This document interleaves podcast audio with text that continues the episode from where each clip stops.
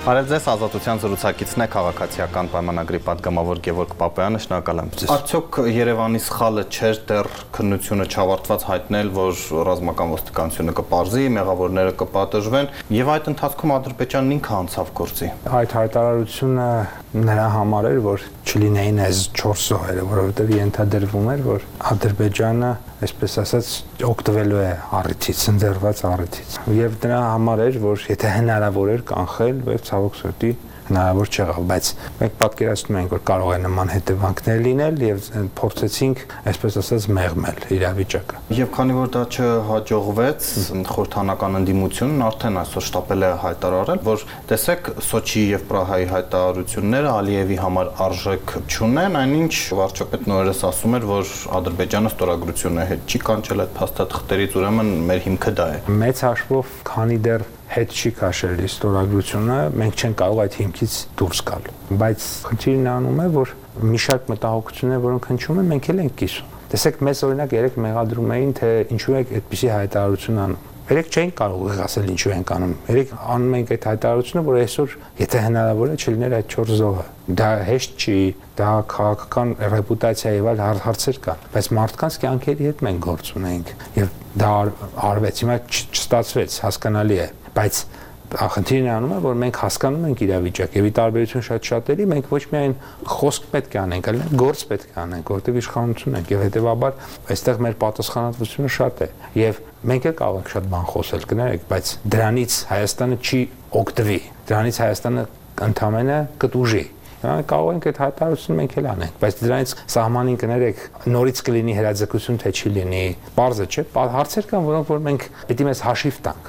Դե իրենց ասածը պարոն Պապոյան, որ երեկվա դեպքը Երևանի արձագանքը Հայաստանի արտաքին քաղաքականության մանրակերտն է, մի օրինակն է անընդհատ զիջելու Ադրբեջանի պահանջները կատարելու, հետո ասելու դե չաշխատեց ինչ անենք։ Չէ, այդպես չի ախր, մենք Հայաստանը ոչինչ չի զիջում հարցն է, որ կա հողի վրա իրականություն։ Այդ հողի վրա իրականությունը ուրիշ է։ Հայաստանը ինչ պետք է աներ, որ չի արել։ Կարող է ինձ ասել։ Ինչ է նշանակում զիջողականություն։ Հենց հարցն է, որ ոչ մի բան չենք զիջում պրոցեսը տեղի ունենում, որ ընթացքում բանակցություններ են գնում եւ այդ բանակցությունների ժամանակ մենք մեր կարմիր գծերը ներկայացրել ենք, ասել ենք սա է եւ գործընթացները այդ տրամաբանության մեջ գնում են առաջ։ Իմ համար անհասկանալի է ինչ պետք է անել Հայաստանը, որ չի արել։ Սկսած նշաձողը իջեցնելուց, որը չաշխատեց, մինչև այսօր, երբ բանը հասել է սահմանադրություն փոխել եւ այդ պահանջների վերջը չի երևում, Ադրբեջանը հիմա ասում է Եվրադատանից հետ կանչեք Ղարաբաղի վերաբերյալ հայցերը։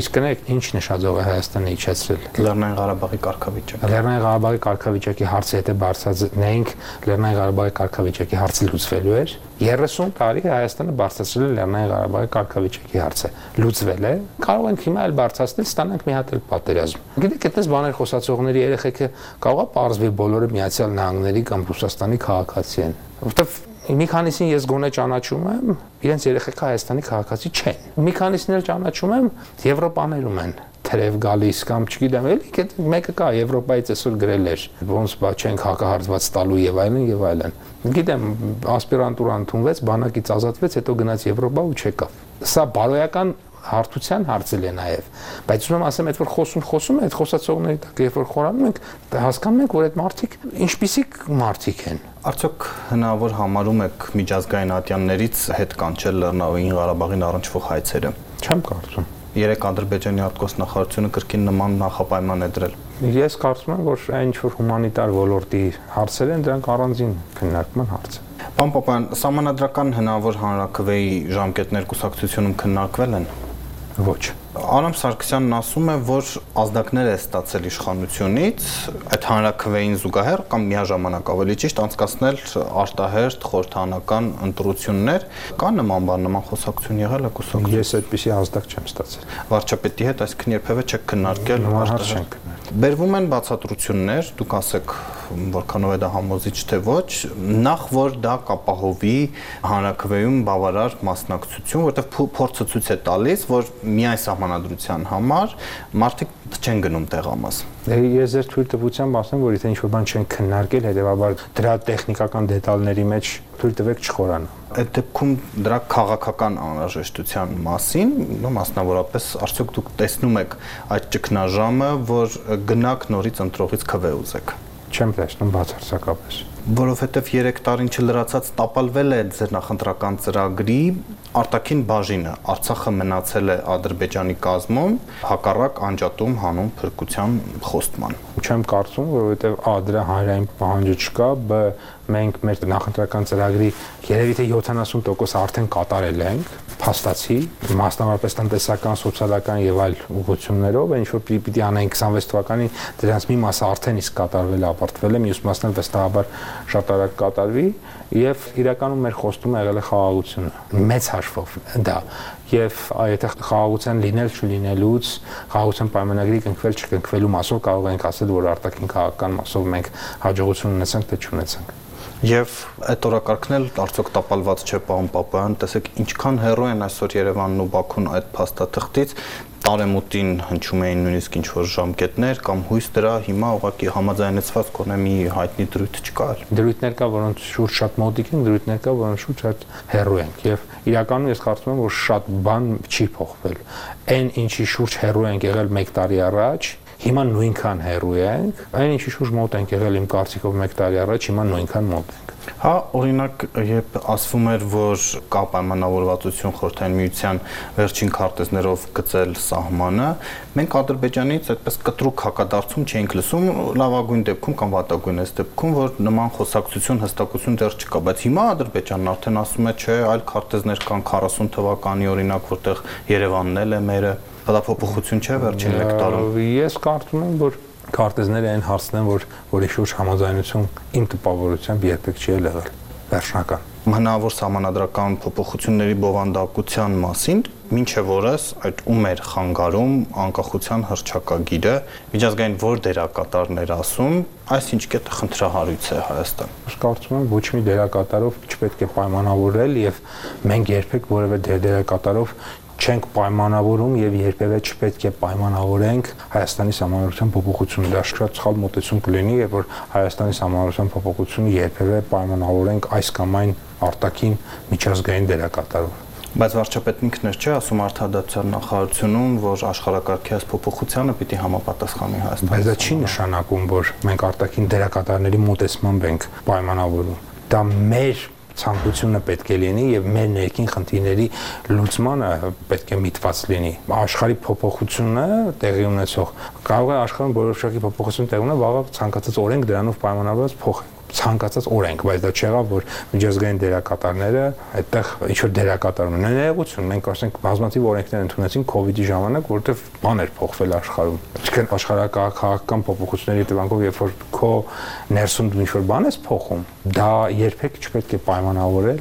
արտաքին գործոններով, դա քո համար է փոխում։ Իսկ եթե ես ասեմ, որ Ալիևը ուղիղ ասում է, որ պիտի փոխեք, հակառակ դեպքում խաղաղություն չի լինի։ Ալիևի ասելու հետ որևէ կապ չունի այս գործընթացը բացարձակապես անընդունելի է որևէ արտաքին ազդեցության հետ կապել եւ սա իմ կարծիքով եւ իմ դպավորությամբ չի կապվում դուք խնդիր տեսնում եք օրինակ պատմական արդարության վերականգնում արտահայտության հետ փաստաթուղթ որի հղումը դրված է Հայաստանի մայր օրենքի նախագծում որ ասեք ինչ է պատմական արդարության վերականգնումը կասեմ այդ ձևակերպման բացատրությունը ճիշտ ասած այդ փաստաթղթում չկա ընդհանրում եմ դուք պիտի ասեք եթե ֆիքսենք ինչ է պատմական արդարության վերականգնումը շատ կոնկրետ եթե ձևակերպենք դա ինչ է ես կարող եմ ասել ես դրա այդ խնդիր տեսնում եմ, չէ՞ թե չեմ տեսնում։ Իսկ Լեռնային Ղարաբաղի եւ Հայաստանի վերամիավորման դրույթը, որը թեկուզ որպես պատմություն դա իրողություն եղել է, ինչու հանել սահմանադրությունից։ Հնարավոր է Լեռնային Ղարաբաղի եւ Հայաստանի վերամիավորում այսօր հնարավոր չէ, վաղը գուցե այնպիսի պայմաններ ստեղծվեն, որ հնարավոր լինի եւ դա կտեղավորեի օրինակ այդ պատմական արդարության մեջ։ Ինչ է կարծում այդ պարագայում հնարավոր կլինի խաղաղություն հաստատել տարածաշրջանում։ Մյուս կողմից արդարացի չի լուծվել այդ հակամարտությունը եւ մենք չպիտի դրա հետ չէ հաշտվենք։ Այսինքն պետքա միշտ կռվենք։ Դրա պատասխանը նա է, որ պիտի կռվենք, հեշտ հարցեր չեք տալիս իհարկե։ Հարցեր եք տալիս, որոնցից միշտ խուսափել են մեր երկրի բոլոր իշխանություններն ու դիմությունները կներեք։ Հիմնականում 90% անդիմության եւ բոլոր իշխանությունները միշտ այդ հարցերից խուսափել են, բայց մեր հայրենակիցները պետք է իմանան, որ ամեն ինչ ունի իր գինը խաղաղությունն էլ ունի իր գինը, պատերազմն էլ ունի իր գինը։ Եթե մենք ընտրում ենք որևէ մեկը,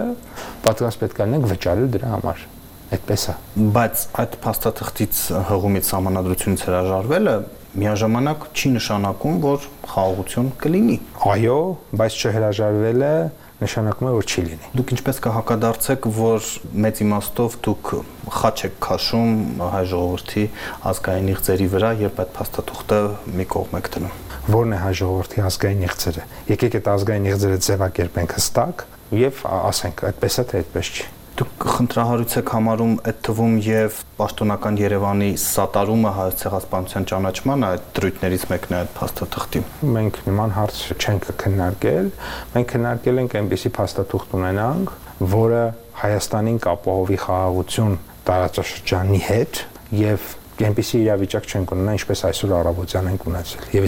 այսպիսի տասնյակ իրավիճակներ ու հարյուրավոր իրավիճակներ չենք ունենա, ինչպիսին այսօր առավոտյան ենք ունեցել։ Բայց իշխանությունը ինքը նախաձեռնել էր համանadrական փոփոխություն եւ նման հարց դրված չէր, պարոն Պապայան, այդ ինչ փոխվեց այդ դեպքում։ Որովհետեւ աշխարհակահաղական իրավիճակը եւ աշխարհակարգը փոխվել է։ Տարածաշրջանում իրավիճակը փոխվել է։ Ինչու ոչ ռուսական հարթակը գալով այլ թեմաների, որտեղ ասում են նաև հիմա հետաքրքրված ենք Արցախահայերի վերադարձով։ Իրականում մեր համար տենց այդպիսի տարբերություն չկա ռուսական, արևմտյան եւ այլն։ Մեզ համար կարևոր է մի հարթակ, որտեղ Հայաստանի դիրքորոշումները ի սկզբանե հարգվում են Մենք օրինակ նկատում ենք հայտարարություններ Ռուսաստանի Դաշնությունից, որոնք որ Հայաստանի դիրքորոշումները այսպես ասած չեն հարգում։ Օրինակ միջանցքային ինչ-որ տրամաբանությունների մասին են խոսում, ընդ որում կարծես թե այս վերջին օրերին Ադրբեջանում Ռուսաստանի դեսպանն էլ նման արտահայտություններ ընչեցրել։ Իսկ արևմտյան արտակներում մենք չենք լսում այդպիսի արտահայտություններ, սա է ամբողջ տարբերությունը բայց ինչ են ասում ձեր անդիմախոսները այս հարցում արևմտյան հարթակն էլ ճունի այդ գործիքակազմը կամ չի ուզում այն բանեցնել Բաքվի դեմ դուք տեսեք քանի հանդիպում է արդեն բոյկոտել Ալիևը Գրանադայից մինչև Բրյուսել եւ Վաշինգտոն նայած արևմտյան որ հարթակ լեցակների մասով եկեք ամենազորեղը նայենք Վաշինգտոնը Միացյալ Նահանգները տեսեք ինչ տոնով է խոսում ամերիկյան իշխանությունների հետ Ալիևը ես էսպես կասեմ ակնհայտորեն երևի թե ոչ միայն Ադրբեջանը այլ աշխարհում քիչ երկրներ կան որոնք կարող են դիմակայել ԱՄՆ-ին եկեք այդպես ես չէի ձևակերպի թե ճունի լծակ, ունի լծակ, թե ինչ չափով է օգտագործվում այդ լծակները, դա արդեն առանձին քննարկման հարց է։ Եվ ներքաղաքական մի հարց, քաղաքացիական պայմանագիրը երաշխավորեց սիներգիի աշխատակիցների համար եւ մեկը հիշեցնենք խորթանի նախագահի եղբոր կինն է։ Ահա այս առիթով ձեզ հիշեցնում են, որ հանրային հնչեղության այլ գործերով դուք չեք երաշխավորել մարդիկ իրենց քաղբանտարկյալ են համարում անուններ են հնչում բայց ահա այս դեպքում երբ կար խորհրդանի նախագահի ընտանիքի անդամը իշխող խմբակցությունը շտապեց դա անել իրականում այդտեղ բոլորովին այլ դրվագ են քաշվի առել անչափահաս երեխաների մայր լինելու հանգամանքը ավելին մեր падգամավորներից ոմանք նաև այդպիսի կարծես թե դիմությունում դեպք դեպքեր եղել ես դրա մասին դերակացված չէի նշեցին որ շատ վատ է որ այդպիսի նաև մեկ այլ դեպք է եղել այսինքն այդտեղ երեխաների շահն է եղել եւ բացարձակապես ազգային ժողովի նախագահի եղբոր կնոջ դրվագը չի եղել գլխավորը ես ինքս գոնե ինձ համար դա էական չի եղել էական է եղել երեխաների շահը եւ մայր լինելու այսինքն այդ երկու գործոնները իրար իրար հետ համեմատած։ Դուք ասացիք, պարոն Պապոյան, որ ընդդիմության շարքերում էլ է նման դեպք եղել, եթե չեմ սխալվում, Տաթևիկ Վիրապյան, որը անցել է զանգվածային անկարգությունների, բռնության կոչերի գործով եւ տևական ժամանակ կալանքի տակ է մնացել ելի երկու անչափահաս զավակ։ Ես այդ դեպքը չգիտեի, բայց ես ուզում ասել, որ նման քննարկում խմբակցությունում եղել է, այսինքն այդպես տարբերակում մեզ մոտ չի եղել եւ այն մարդիկ, ովքեր որ համոզել են խմբակցությանը, որ պետք է դա անել, իրենք համոզված էին, որ մեկ այլ դեպքում էլ պետք է անել, այսինքն սա անձյանց չի վերաբերվել, այլ վերաբերվել է երեխաների շահին։ Ինչ վերաբերում է Աշոտյանին, հիմա նաև քաղաքական այլ ուժեր, օրինակ հայազգային կոնգրեսն էլ է նրա համար գնում երաշխավորում, որը գիտեք երկար ժամանակ հակոտնյա քաղաքական ուժեր են եղել, ելի այդ համոզումը ունենալով, որ այս իշխանությունը նրան իր քաղաքական գործունեության համար է հետապնդում։ Աշոտյանը, ինչպես որ մի շարք այլ մարդիկ անցնում են որոշակի քրեական գործով, կներեք, այդտեղ մյուս ծայրահեղության մեջ չպետք է անգնենք, էլի, արդյոք դա տալիս է հնարավորություն, որ այն մարդով երբևէ քաղաքականությամբ զբաղված ինքը ունի իմունիտետ, որտեղ ինքը կարող է իրեն հայտարարել քաղբանտարկել եւ վերջ։ Կկնշնակալ եմ, որ արձագանքեցիք ազատությունը մեր քաղաքացիական պայմանագրի падգամավոր Գևորգ Պապոյանը։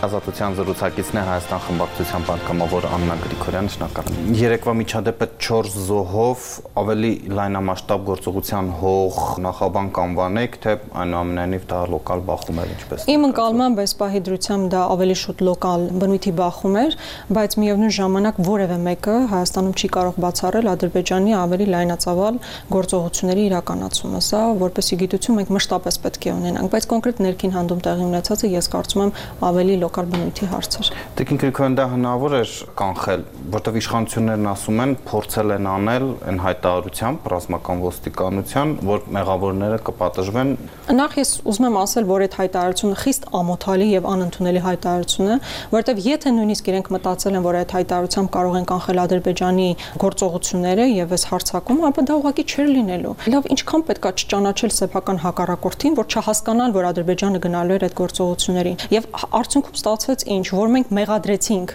մեր դիրքապահին ինչ որ բան սադրելու համար։ Արդյունքը դա ստացվեց, չէ՞։ Դա ադրբեջանական նարատիվն էր, որը պաշտպանության նախարարությունը կիսեց։ Եվ երեք էլ Ժոզեֆ Բորելը խոսելով դրվյալ իրավիճակի մասին նկարագրում էր այդ իրադարձությունները նույն տրամաբանությամբ եւ մեղավոր դարձնելով հայկական կողմին։ Սա ուղղակի անընդունելի է։ Նախ սա ինչ մեսիջ է։ Նաև ասում էր, որ անհամաչափ է եղել Ադրբեջանի արձագանքը։ Շատ լավ, անհամաչափ է եղել, բայց բայց ստացվել է այնպես, որ իսկապես հայկական կողմը ասում է, այո, մենք ենք մեղավոր։ Սա ո՞նց կարելի է այդպես։ Ընդ որում, երբ որ ադրբեջանցիները գտնվում են մեր երկրի տարածքում, եթե շատերը չեն լսել երբևէ ներքին հանդի մասին, ներքին հանդը Կապան քաղաքի գյուղ է։ Եվ այն կետերը եւ այն դիրքերը, որտեղից Ադրբեջանը երեք կրակում էր, գտնվում են ներքին հանդի տարածքում։ Դա մեր երկրի տարածքն է, մեր երկրի տարածքում օկուպացված զորքերը կրակ են բացել մեզ վրա եւ մենք դեռ այդտեղ մեղավորություններ ենք փնտրում մեր մեջ։ Սա ուղղակի ամոթալի իրավիճակ է եւ սա նախ եւ առաջ ինչ մեսիջ են մնացած զինծառայողներին։ Նախ մենք պետք է հասկանանք, թե դա ինչ իրավիճակում է տեղի ունեցել, հա նախորեին տեղի ունեցած, որից հետո Ադրբեջանը սկսել է կրակել։ Եթե ինքնապաշտպանական բնույթի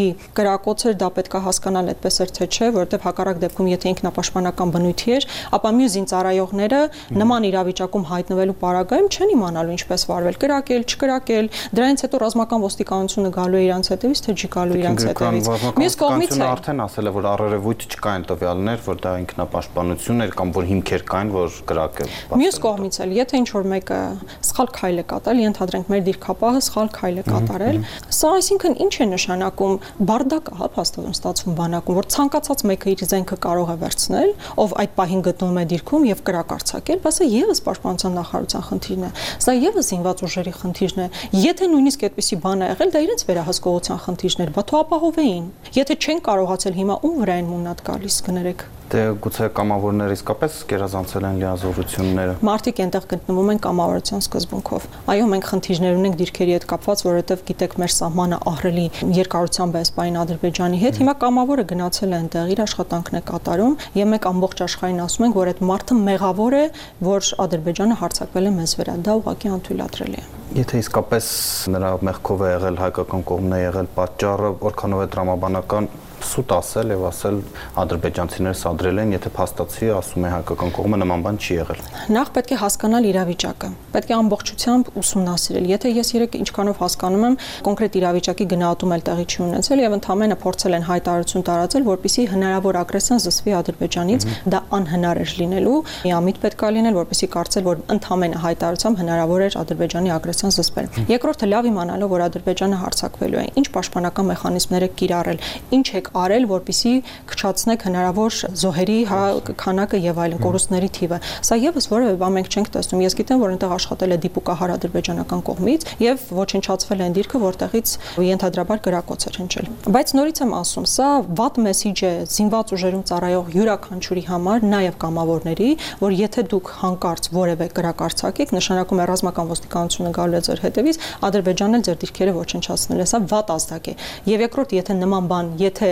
այդպես է եղել եւ դիրքապահն է առաջին գրակոցը արցակել նշանակում է այո զինված ուժերում լրջագույն խնդիր կա վերահսկողության թող վերահսկեն ոչ թե վոլեբոլի գնդակի վրա ինչ որ ստորագրություններ դնեն եւ վոլեբոլի առաջնություն իրականացնեն այլ կոնկրետ մտածեն կոնկրետ խնդիրներ լուծելու մասին Տիկին Գրիգորյան իշխանությունն ավելի ու ավելի կոշտ է հերքում, որ համանadrության փոփոխությունը Ալիևի պահանջով է, եւ այստեղ իսկապես դրամաբանական չէ, որ Ադրբեջանի իշխանությունները կարող են միանալ հայաստանյան ներքաղաքական լարվածությունը առաջացնելու այդ գործին, այդ թվում եւ ձեր շուրթերով, որ դուք քննադատեք Փաշինյանին, իրենք այդ դիվիդենտները քաղեն։ Սա չգիտեմ, մանիպուլյացիա եւ ցինիզմի իրապես կակատնակետն է։ Այսինքն իրենք գնում են պայմանավորվում են։ Նիկոլ Փաշինյանը ընդունում է Ալիևի պահանջը։ Մենք էլ ասում ենք, այդ պահանջով անթույլատրելի է, որ համանդրության փոփոխություն տեղի ունենա, նոր համանդրություն գրվի, դեռ մենք ստացվում է, որ Ադրբեջանի օրակարգն ենք առաջ տանում։ Սա ուղղակի մաստեր կլաս է մանիպուլյացիա է։ 2021 թվականից ի վեր հնչել է Ալիևի կողմից պահանջ փոխել Հայաստանի Հանրապետության համանդրությունը։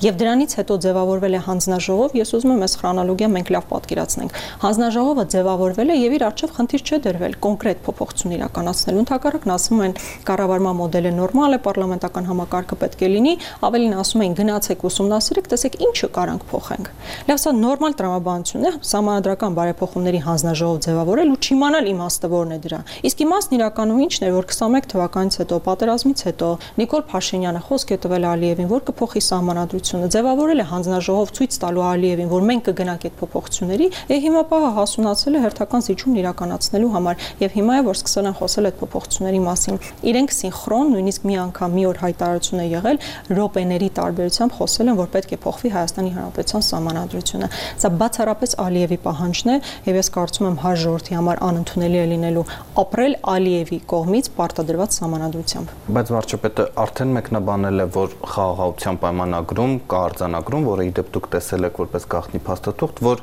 սահմանադրությունը չի կարող վեր լինել խաղաղության պայմանագրով ստանձնած պարտավորությունից։ Այսինքն ինչ էլ գրված լինի այդ սահմանադրությունում, միևնույն է խաղաղության պայմանագիրը ավելի իրավազոր փաստաթուղթ է։ Սա հերթական սա հերթական մանիպուլյացիան է Նիկոլ Փաշինյանի կողմից, որովհետև ցանկացած միջազգային փաստաթուղթ չի կարող ստորագրվել, որը հակասում է մեր սահմանադրությանը։ Սա ուղղակի փաստացի նորմ է։ Խորհրդարանի վավերացումը։ Վավերացում եւ համանդրական դատարանով պետք է անցնի, եթե միջազգային որևէ պայմանագիր, այդ թվում նաեւ այս պայմանագիրը համանդրությանը հակասող նորմեր ունի, ապա այդ միջազգային պայմանագիրը չպետք է ստորագրվի, կամ էլ համանդրությունը պետք է փոխվի։ Հիմա Նիկոլ Փաշինյանը գնում է Ալիևի պահանջով համանդրությունը փոխելու ճանապարհով, որովհետեւ Նիկոլ Փաշինյանի ասածը, որ եթե նույնիսկ համանդրության մեջ վարչակազմություն կամ մենք միևնույնն է ընդունելու ենք միջազգային պայմանագիրը ուղղակի աբսուրդ է այդպես լինել չի կարող դա պետք է համապատասխանի քո սահմանադրությանը հիմա մեզ փորձում է հрамցվել որ գիտեք եթե մենք մոռանանք ամեն ինչ Արցախի հետ կապված ագնկայքից ջնջենք Լեռնային Ղարաբաղի հիմնախնդրի հետ կապված պատմությունը парքի պատերը այս նկարները բոլորն իջեցնենք Արցախի մասին ամեն ինչ մոռանանք հերքել են ասում են ընդհանրապես մի մի անհանգստացեք դա էլ կանեն ես դες վստահեցնում եմ վերջերս Elon Musk-ը չիպ է դրել չէ մարդկանց ուղեղ ուղեղում։ Եթե նույնիսկ այդպիսի չիպ դնեն հայ ժողովրդի ուղեղում, որն ամբողջությամբ կջնջի Արցախի մասին հիշողությունները, որ ընդհանրապես Արցախ հայրենիք ունենք մենք, միևնույն է Ադրբեջանն ունի պահանջներ, որոնք չեն առնչվում այդ ամենի հետ։ Եթե նույնիսկ դու փոխես քո համանadrությունը Ադրբեջանի պատվերով, Ադրբեջանը հրաժարվելու է այսպես կոչված Զանգեզուրի միջանցքից։ Ալիևը դուրս է գալու քո երկրի տարածքից։ Վերադարձնելու է մեր բոլոր ռազմագերիներին։ Լավ, մեկը մյուսի հետ ինչ կապ ունի։ Եթե նույնիսկ ենթադրենք, ինչը հակապետական է, հակաբարոյական է, հակազգային է, փոխեցիր համանadrությունը, Արցախի մասին որևէ հիշատակում չկա։ Վաղը Ալիևը, որ որոշի միջանցք բացել, նայելու ասել է լավ, դե համանadrությունը փոխել եք, ես միջանցքի գաղափարից հրաժարվում եմ։ Չէ, ես ուզում եմ մեր ժողովուրդը լավ հասկանա մեր իրական վտանգը այստեղ է։ Ադրբեջանի պահանջները չեն փոխվել, ու ես հիմա ոչ թե ադրբեջանական խոսույթ եմ տարածում, ասում եմ այն ինչ իրականում գոյություն ունի։ Ադրբեջանն ուզում է միջանցք անխոչնդոտ, Ադրբեջանը դուրս չի գալու մեր երկրի տարածքից, ինչպես իրենք են հայտարարում։ Եվ ասում են ընդհանրապես Հայաստանի որոշ տարածքներ ադրբեջանական են։ Երբեմն էլ ասում են ամբողջ Հայաստանը արևմտյան Ադրբեջան է։ Հիմա սա մեր վտանգներն են։ Նիկոլ Փաշինյանը որպես այս վտանգների լուծում ասում է եկեք փոխենք համանդրություն էլի Ադրբեջանի պատվերով։ Սա իրականում ընդհանրապես պահանջ է Ադրբեջանի կողմից մեր ժողովրդին ստորացնելու համար։ Եվ Նիկոլ Փաշինյանը ընդհանրապես գործիք է Ալիևի ձեռքին մեր ժողովրդին ավելի ու ավելի ստորացնելու համար։ Միայն այսքանը։ Չէ՞ կա անկախության հրճակագրի հղումը գրված էր սահմանադրությունում, կներեք ինչին դա օգնեց Ադրբեջանը մնաց Արցախի Շատ լավ։ Ենթադրենք փոխեցինք սահմանադրությունը։ Ես հարցը նորից եմ տալիս։ Մենք այս վերջերս անդադար քննարկում ենք սահմանադրության փոփոխության անթույլատ արտադրելիության մասին, ես ուզում եմ այլ համատեքստում նայենք, այլ դիտանկյունից նայենք։ Փոխեցիր համանadrությունը։ Ադրբեջանը կնքելու է պայմանագիր, որով ամրագրվելու է, որ ինքը պետքա դուրս գա մեր երկրի տարածքից որ ինքը այլևս հավակնություն չունի մեր երկրի նկատմամբ, այդպես չի։ Դա մոլորություն է, նույնիսկ Նիկոլ Փաշինյանն ինքն է ասում, եկեք փոխեք սահմանադրությունը։ Ասում եմ, բայց ես երաշխիք չեմ տալիս, որ Ադրբեջանը դրա վրա կան կառնի։ Բայց հիմա մեր հիմքերը պետության քանդենք, որ երաշխիք չունենանք։ Դա կարտացոլի իրողությունն է, որ մենք հավակնություն չունենք Հայաստանը միավորել Լեռնային Ղարաբաղին եւ դա հիմք է կնքելու խաղաղության պայմանները։ Ադրբեջանը հավակնություն ունի Հայաստանի Հանրապետության տարածքների նկատմամբ ոչ միայն իրենց հռետորաբարությամբ, այլ նաեւ սահմանադրությամբ։ Ունի թե չունի։ Արադ Միրզոյանն ասում է, այո, խնդիրներ կան։ Ադրբեջանը մեր սահմանադրության մեջ է խնդիր տեսնում։ Մենք էլ իրենց սահմանադրության մեջ ենք խնդիր տեսնում։ Ալեն Սիմոնյանն էլ ասում է, բա դա պետքա հայլայն պետքա լինի։ Հիմա ես հարց եմ տալիս։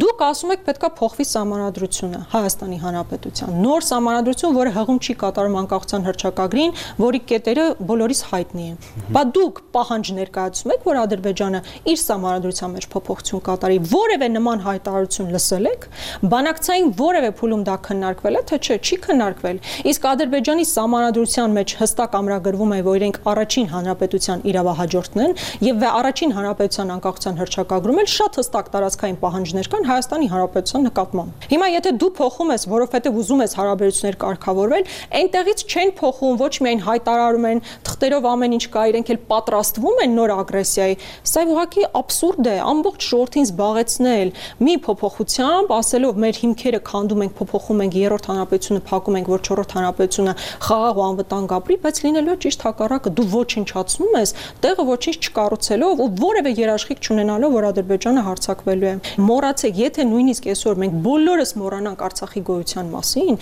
միևնույն է Ադրբեջանը չի հրաժարվելու իր պահանջներից։ Սա ուղղակի абսուրդ է։ Բայց լավ, եթե այդպես է, այս պայն Արցախը գտնվում է Ադրբեջանի վերահսկողության տակ, Նիկոլ Փաշինյանը հայտարարել է, որ Արցախն Ադրբեջան է եւ վերջ, բայց ինչու պայմանագիրը չի ստորագրվում։ Ինչու չի ստորագրվում, որովհետեւ նոր պահանջներ կան եւ սահմանադրության փոփոխությունը չի բերելու այդ բոլոր պահանջների չեզոքացմանը, պարզապես չի բերելու։ Իդեպ դուք որ բարբերաբար ծանոթանում եք այդ նախագծին որպես գաղտնի փաստաթուղթ, որտեղից այդ պնդումը, որ այն չի բերելու խաղաղություն։ Վերջին հարցու պատասխանի ժամանակ Նիկոլ Փաշինյանը շատ հստակ մեզ ասաց, որ ինչքան տեսակ բավ է, այլևս չեք գնալու ծանոթանալու այդ փաստաթղթին։ Դրանից առաջ էլի միջավայրից մենք մի անգամ չի որ տեսել ենք այդ փաստաթուղթը տարբերակներ առաջացնում։ Ամեն թարմացումներին գնացել ենք։ Վերջին թարմացման ժամանակ, երբ որ գնացինք, ագնա աշխատակիցներն ասացին, մենք սկսել ենք ուսումնասիրել ձեր հայտարարությունները, ձեր հարցազրույցները։ Միգուցե ասել եք բաներ, որոնք չպետք է ասվեին։ Այսպես Այսպես նախազգուշացնող մեզ իսկապես չէ որ դուք